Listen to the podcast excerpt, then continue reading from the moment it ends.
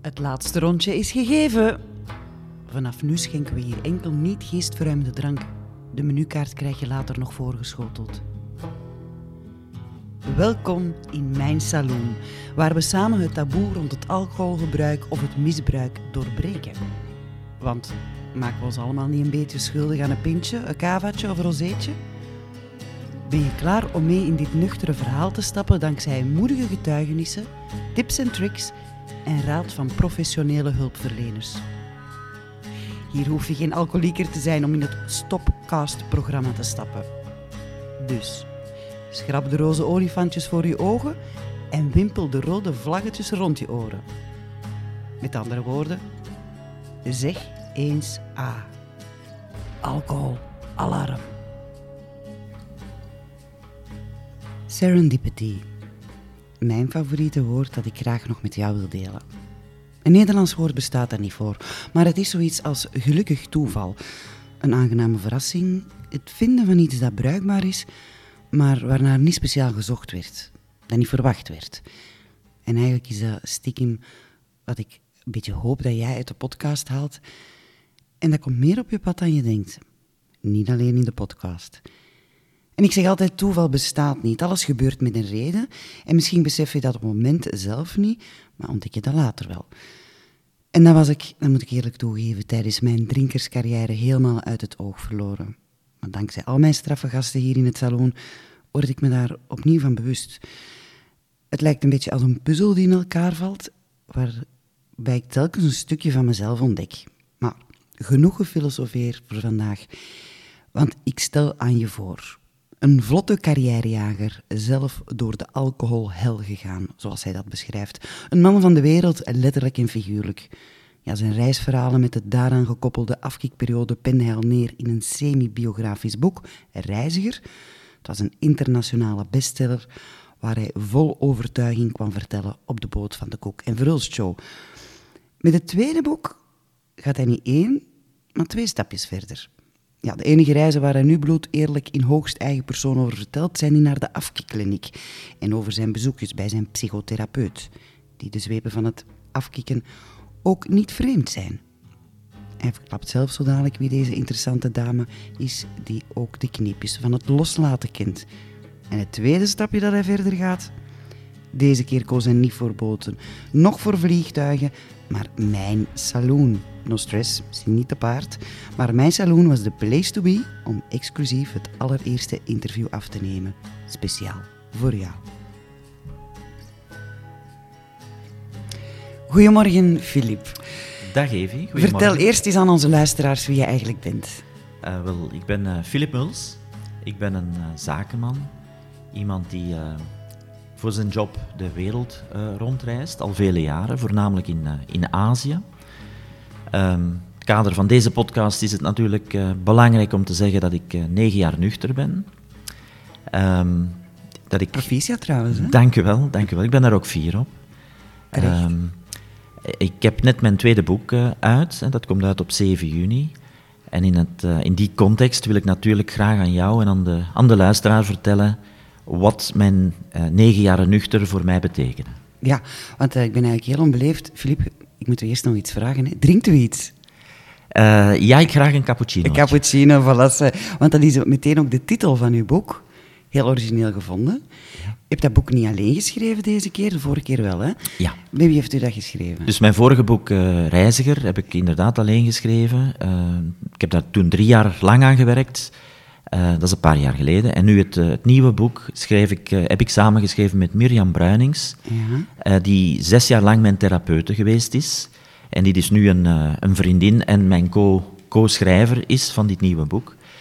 Um, en samen hebben wij denk ik een uniek format gevonden voor dat boek. Hè. Het bestaat enerzijds uit een aantal therapiegesprekken, waarbij dus de, de lezer het, het, het, gevoel heeft dat hij een vlieg op de muur van de therapiekamer is, hè, een mm beetje voyeuristisch. Hij mag alles horen wat je normaal niet hoort, omdat dat uh, achter gesloten deuren dat is altijd spannend. gebeurt. ja.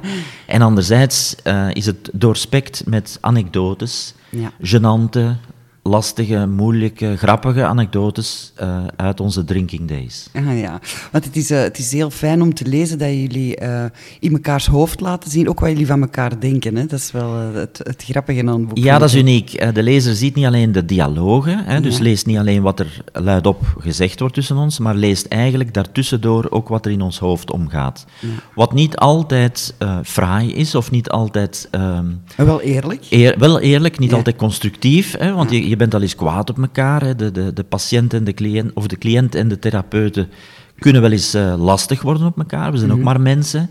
En het unieke aan het boek is dat de lezer dat ook ziet of leest, hè, tussen, de, lijnen tussen door. de lijnen door. Ja, ja. Iets, iets in mij zegt dat het jouw idee was om dat boek te schrijven? Uh, nee, we zijn er eigenlijk samen op, uh, opgekomen. Ah, ik heb lang aangedrongen bij, bij Mirjam om het te doen. Ze heeft de boot wat afgehouden.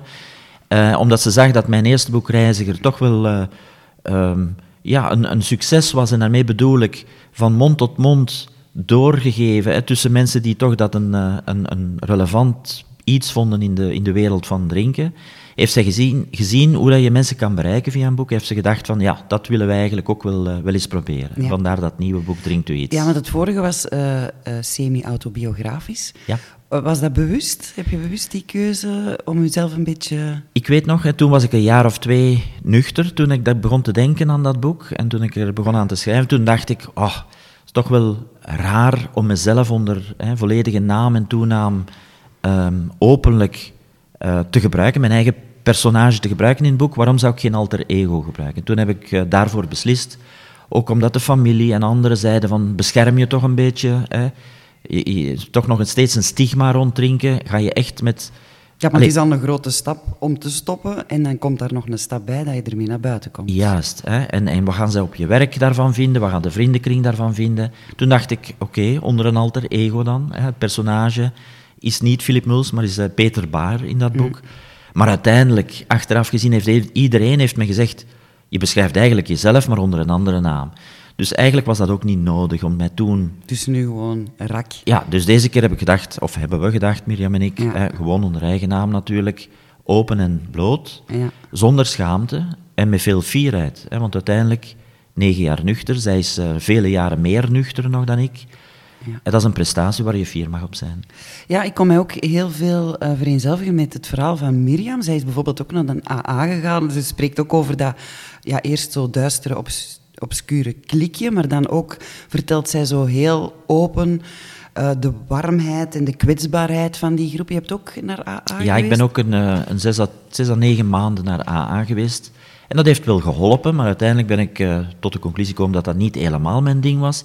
Maar het fijne is, in het boek wordt inderdaad beschreven wat AA is, hoe, hoe je je daar voelt. En de lezer kan voor zichzelf uitmaken of dat, dat iets voor hem of haar is. Ja, en dat gebed, want ik heb dat gebed al eens een paar keer gedeeld.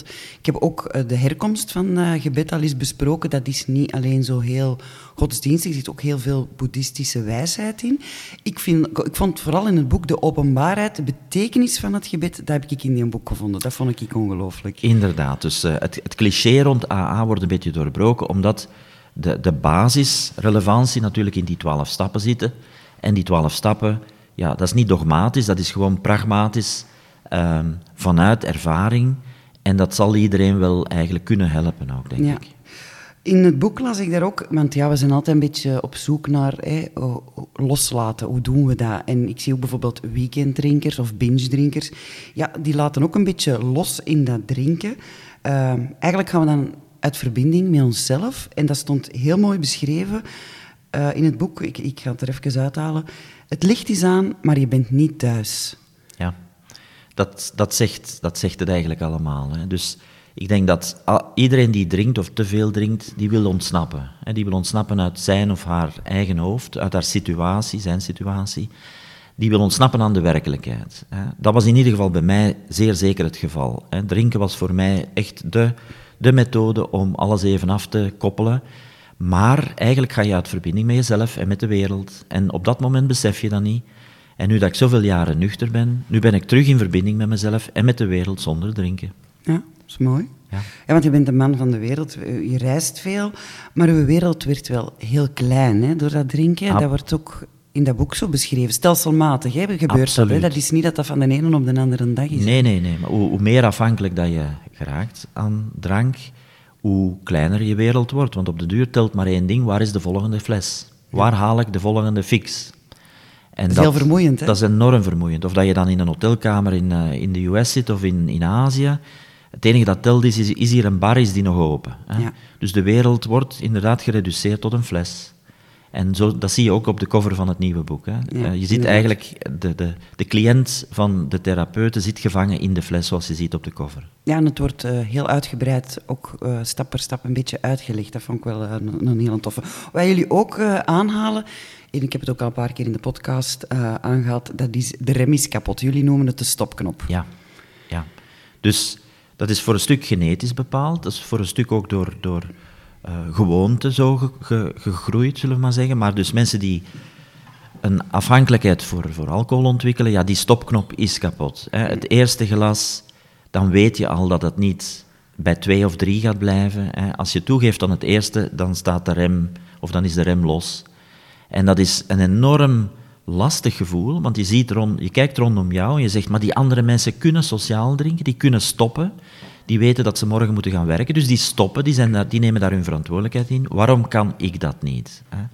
En dat is de vraag die het zo lastig maakt om te beseffen dat je beter niet meer drinkt als verslaafde of als alcoholist. Uh, je denkt altijd, ik zal het wel leren, ik zal het wel leren controleren. Ik zal ooit wel eens erin slagen te doen wat al die andere mensen doen, gezellig te drinken, te stoppen wanneer ik moet stoppen. Wel nee, dat lukt niet. Dat heeft mij vele, vele, vele jaren gekost eer dat ik dat besefte en kon aanvaarden. Ja, je stelt ook de vraag in het boek van wanneer hè, heb ik een probleem als het problemen geeft? Als het problemen geeft, ja. ja. En die problemen moeten al heel erg worden, alvorens dat je echt beseft, dit is echt iets dat niet meer weggaat. Alcohol spreek je over. De alcohol, ja, ja, ja, Dat is dan heel uh, duidelijk... Uh, Um, moet ik het zeggen, mijn oogjes zijn een paar keer uh, echt open gegaan als ja, ik het uh, boek omdat je het waarschijnlijk herkent. Hè? Dat, ja. het, het, er wordt onder woorden gebracht wat je eigenlijk ook al ja. weet en kent. Als Zou je... het niet beter kunnen uitleggen, ik wil zo zeggen. ja, je had het ook kunnen schrijven, daar, daar komt nee, het op neer. nee, nee, dat, dat, wil ik niet pretenderen, a absoluut niet. Um, antabuus, dat heb ik nooit gedaan. Leg eerst misschien eens uit, want sommige luisteraars gaan dat nog niet kennen.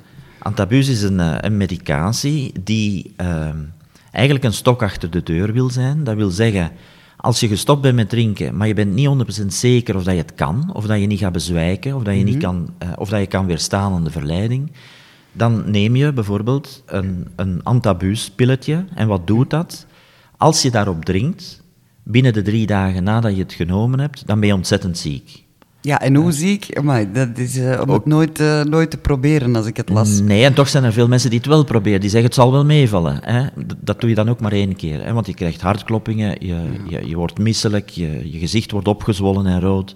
Het is ja, echt iets De details om, moeten ze maar verder lezen In daar. het boek. Ja. Maar dus antabuus hè, kan helpen voor sommige mensen die zeggen het is een stok achter de deur. Als ik het neem, dan moet ik eigenlijk niet constant mij afvragen zou ik drinken of niet. Want je weet dan als ik drink ben ik ontzettend ziek, dus ik moet het mij niet eens afvragen. Hmm. Dus voor sommige mensen, voor mij bijvoorbeeld, heeft dat een, ongeveer een jaar, heb ik dat genomen. Ah, toch? Ja. ja. ja, ja.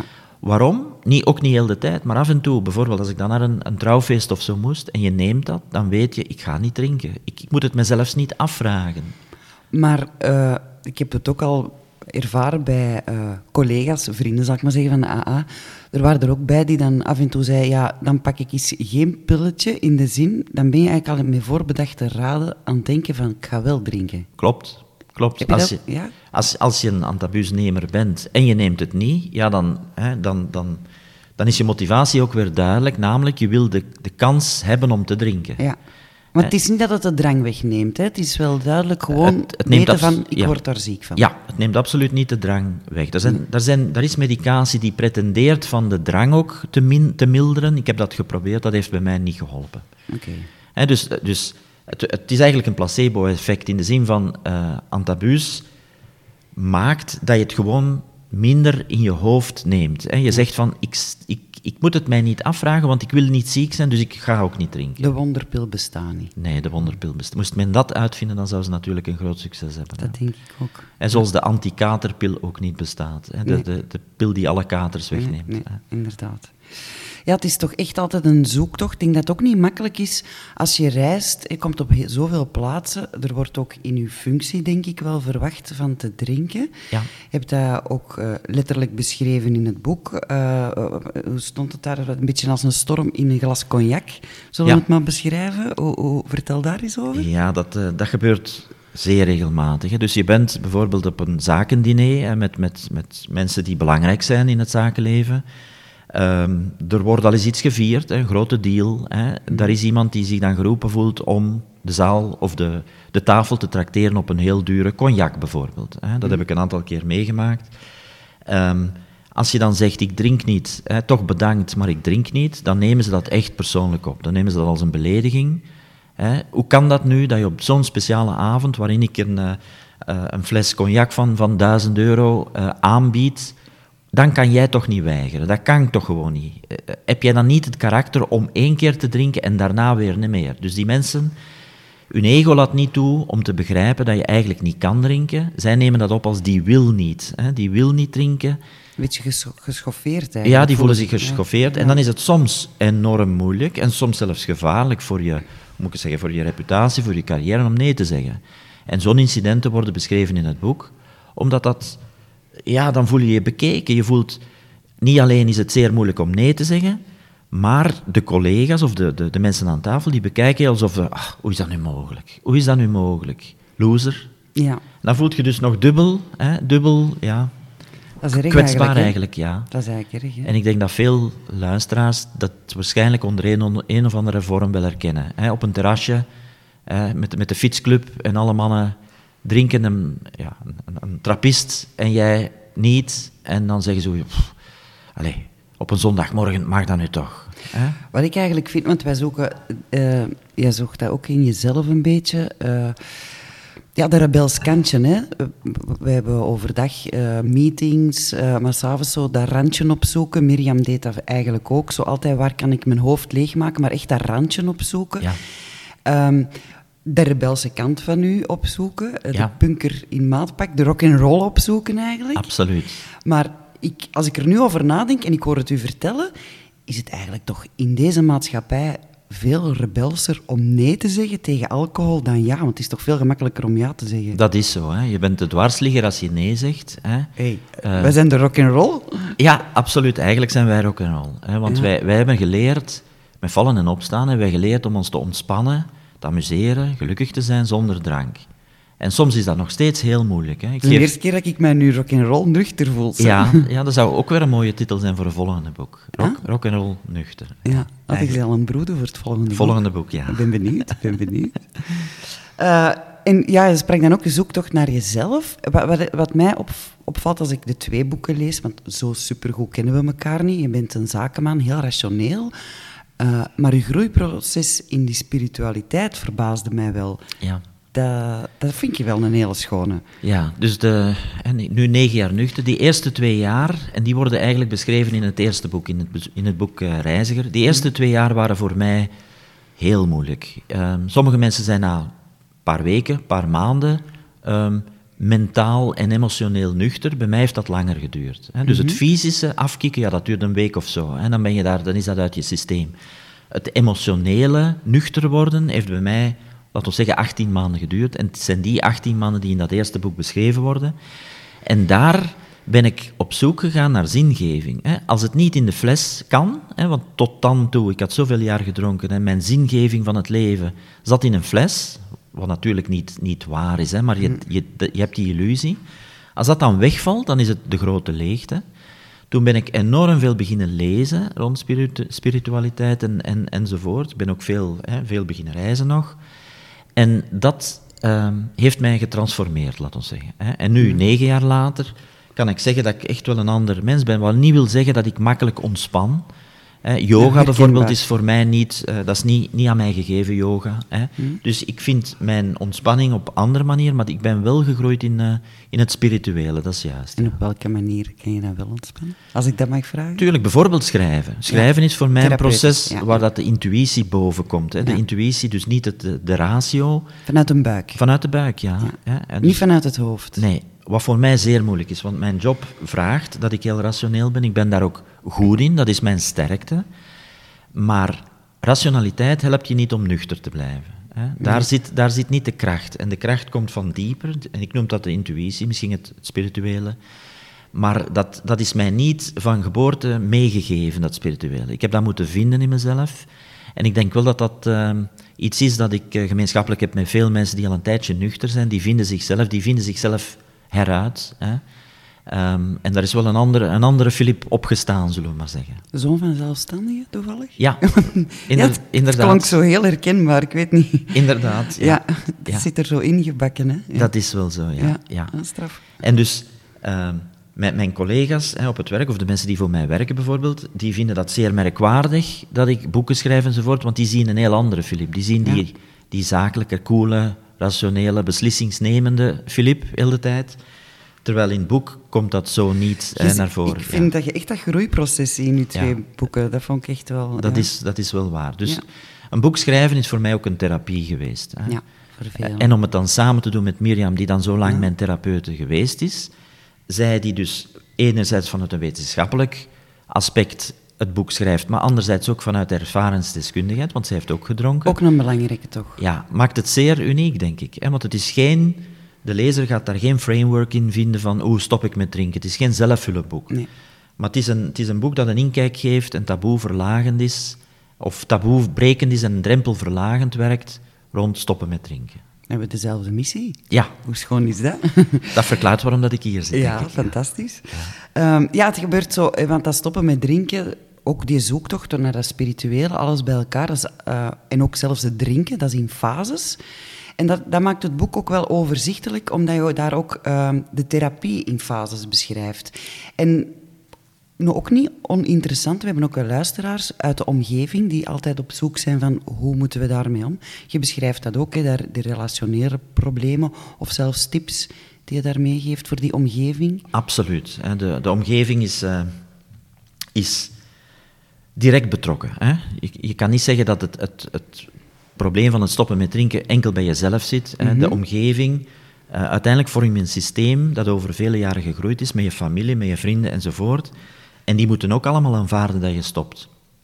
Er zijn veel partners die op, op de duur nog zouden zeggen, je was fijner of je was meer fun toen je dronk. dat komt echt veel voor. Want dan vergeet men even alle slechte momenten, want uh, drank doet ontspannen enzovoort. Dus die hele omgeving moet mee zijn. dat, dat, dat proces moet samen, samen uh, doorlopen worden, denk ik. Ja. Ja, ja, het is heel cruciaal, de steun, ook tijdens uh, ja, therapie zelf, dat die steun er is van die omgeving. Absoluut. En, en die omgeving, dat is zeker niet alleen gezin enzovoort, maar dat is ook een aantal zielsgenoten. Ik denk... Ja, dat vond ik een mooi. Vroeger sprak ik altijd over lotgenoten, ja. maar jij sprak over zielsgenoten. Ik heb dat automatisch mee overgenomen. Ja, je kan het veel dingen noemen. Hè. Lotgenoten, zielsgenoten, bondgenoten, reisgenoten.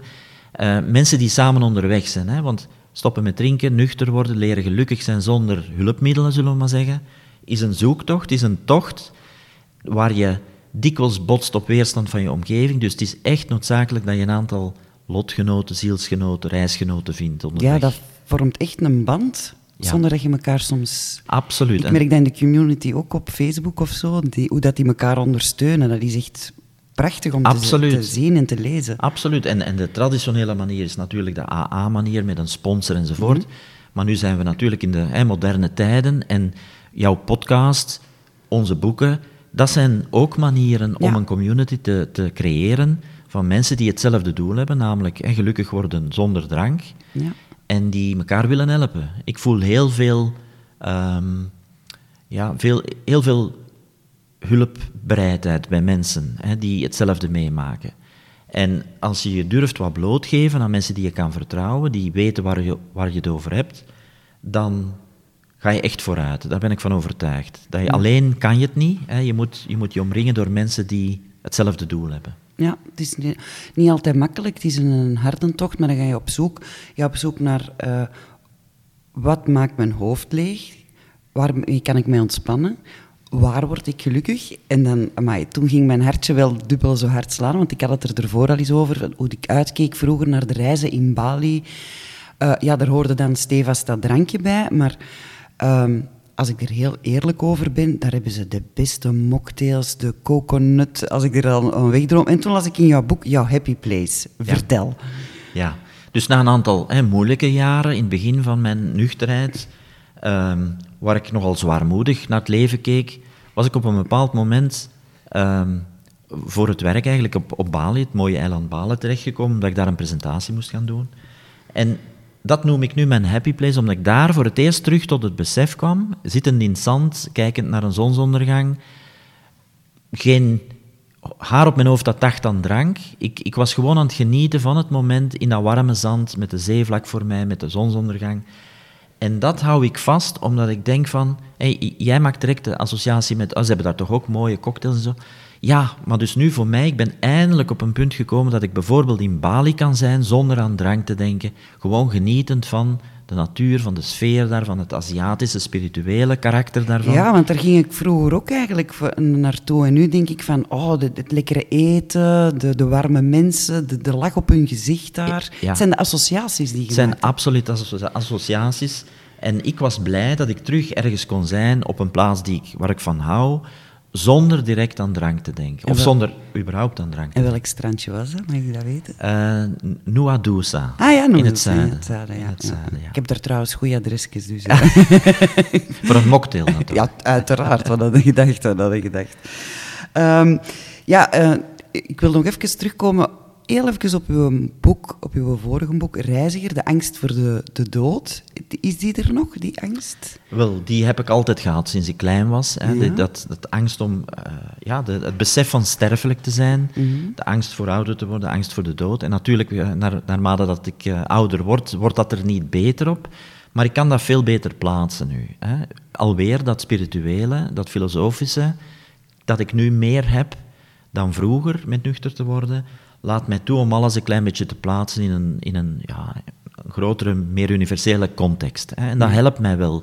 Dat verzacht wel die, die pijn van het zijn die ik altijd gehad heb. En ook ja, loslaten, dat ook door de oefeningen die je met Mirjam deed. Hè? Absoluut, ja. Dat was, stond er heel mooi met een handdoek in. Ja, ja. Ehm, ik, ik ben een controlefreak. Hè. Dat is ook een, een deel van het probleem. Hè, omdat ik, ja, uiteraard. Veel mensen die drinken of gedronken hebben, zijn zo. Hè. Die willen controle hebben over hun eigen leven, over de, over de wereld. Wat natuurlijk een illusie is. Dat mhm. gaat niet. En Mirjam, en dat wordt ook inderdaad mooi beschreven in het boek, heeft mij geleerd om los te laten. En misschien zal ik even beschrijven de oefening die ze deed. Hè. Ze zei, ik zei, maar ik weet niet wat je bedoelt met loslaten. Ik kan niet loslaten. Als ik loslaat, ja, dan valt alles in elkaar. Dat kan ik dus niet doen.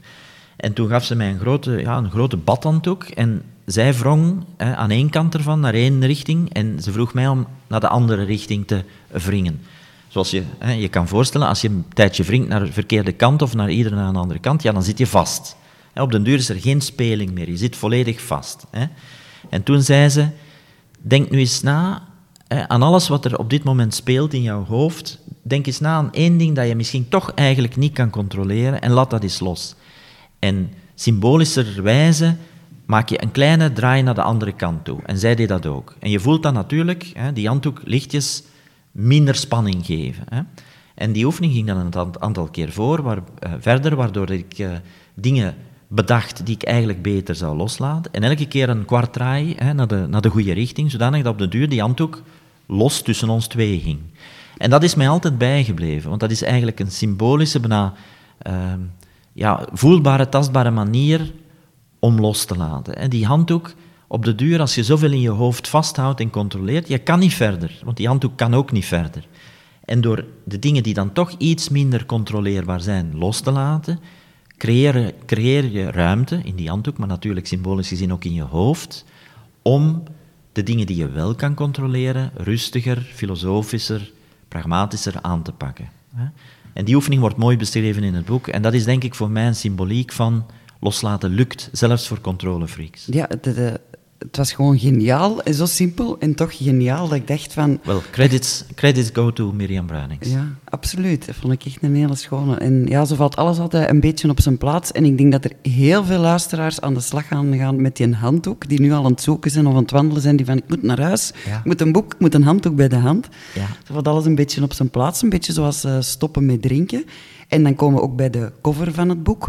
Dat had ik bij de vorige ook. Ik kon het eerst zo niet plaatsen, maar als je het gelezen hebt, valt alles op zijn plaats, toch? Ja, dat is juist. Dus het eerste boek, hè, uh, Reiziger, dan zie je op de cover een, uh, een, een, een mooie berg, een grote berg, omdat de rode draad doorheen een reiziger is enerzijds reizen, maar ook het klimmen naar een top en het begeleid worden naar die top. En nog niet alles verklappen, hè? Nee, natuurlijk niet.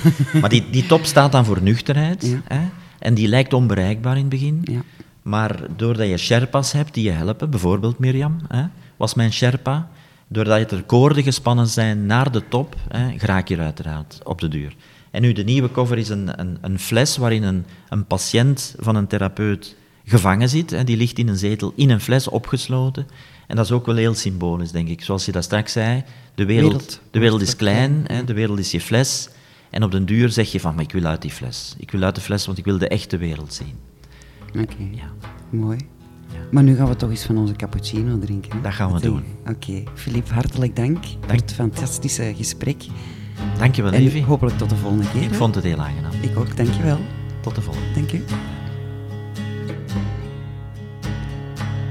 En net als ons gesprek daarnet was, leest het boek als een biecht. Misschien herken je jezelf wel in een verhaal van vallen en opstaan. Ik haalde er alvast zoveel tips uit om te leren loslaten. En zo dadelijk verklap ik er nog eentje dat ik eigenlijk al kende.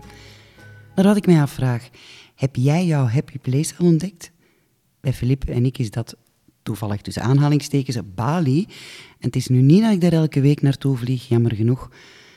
Maar daarom, daarom deel ik heel graag mijn best kept secret adresje daar, Kayu Bali. Je vindt de link in de bio. En ik hoor je zeggen, Evie, een vliegticket. Weet je wat dat kost? Yep, ik ga er heel eerlijk over zijn. Evenveel dat je voordien in een maand opdronk.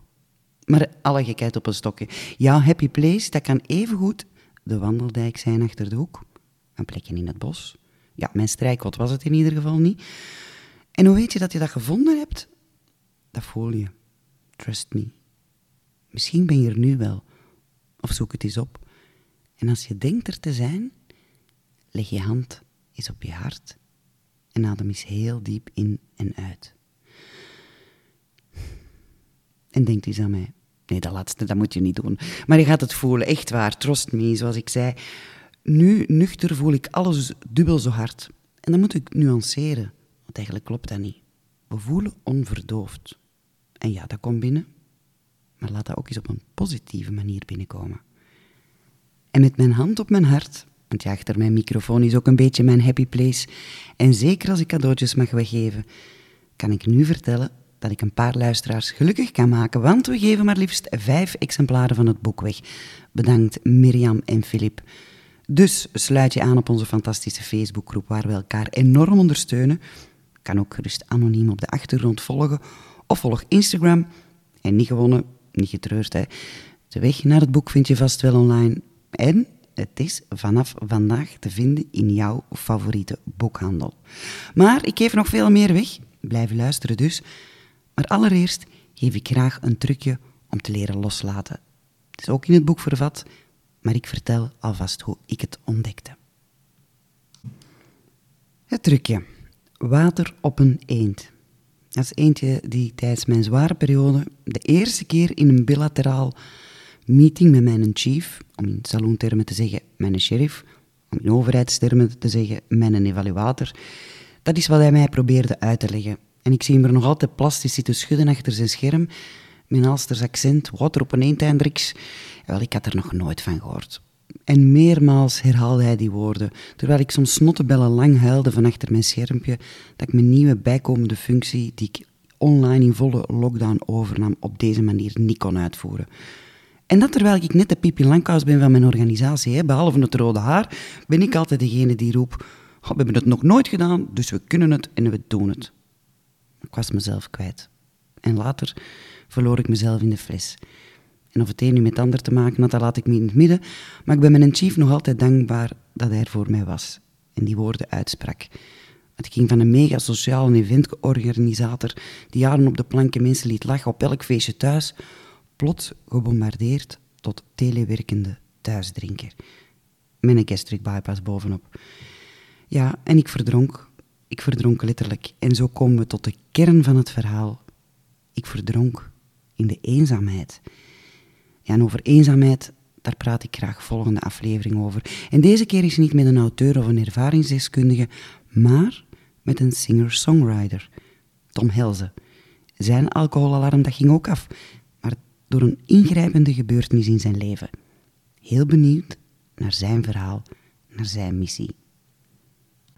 Ondertussen zijn we achter de schermen druk in de weer met een paar events, maar wij luisteraars van Alcoholalarm zijn nu al allemaal uitgenodigd op een uniek event. Lano Zomert, at Gazon in Gent. Dus blokkeer alvast 23 augustus met stip in jouw agenda, want dan gaat Mirjam en Filip sparren met Kobele Conte. Die ken je vast van vorige afleveringen. En eh, ze brengen samen een onverbloemde kijk op verslaving en alcoholisme. Ja, en uiteraard, uiteraard heb je aansluitend de kans om jouw boek te laten signeren. Tickets kan je bestellen via de link in de bio of via de gekende social media kanalen. Maar, luister goed, ik leg weer mijn hand op mijn hart. En dankzij de samenwerking met Lano geef ik maar liefst vijf duo-tickets weg. Je hoort het, een event om niet te missen. Allemaal ervaringsdeskundigen bij elkaar.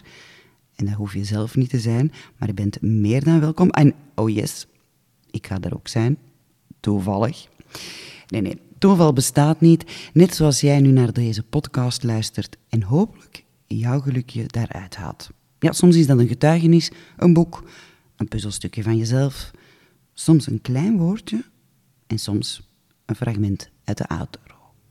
Je luistert nu naar een korte dialoog waar ik de rol van Mirjam opneem en Filip hemzelf. Het is aan jou om uit te maken wat ze luidop uitspraken en wat ze over elkaar dachten. En met mijn hand op mijn hart zeg ik heel graag: hé, hey, je bent niet alleen. En graag tot de volgende.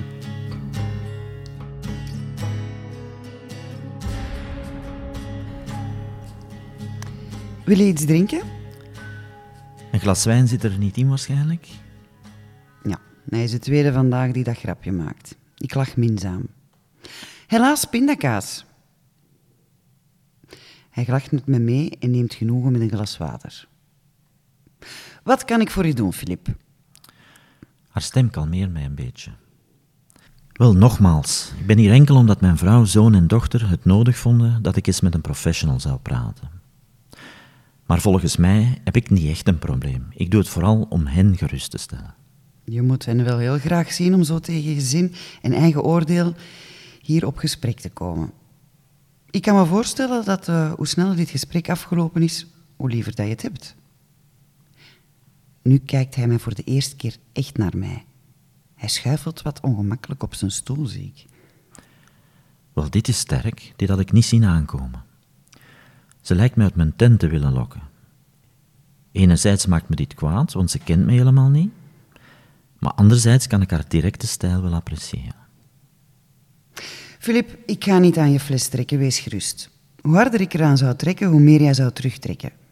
Als jij niet wil stoppen met drinken, kan ik nog iemand anders je daartoe dwingen. Oké, dit klinkt al beter. Ze gaat me gewoon vrijblijvend advies geven en ze laat het aan mij over wat ik ermee doe. Daar kan ik mee leven. Ik zie hem letterlijk herademen, zijn stekels intrekken en eindelijk wat achteroverleunen in de zetel. Glimlach bij het zien van zijn opluchting.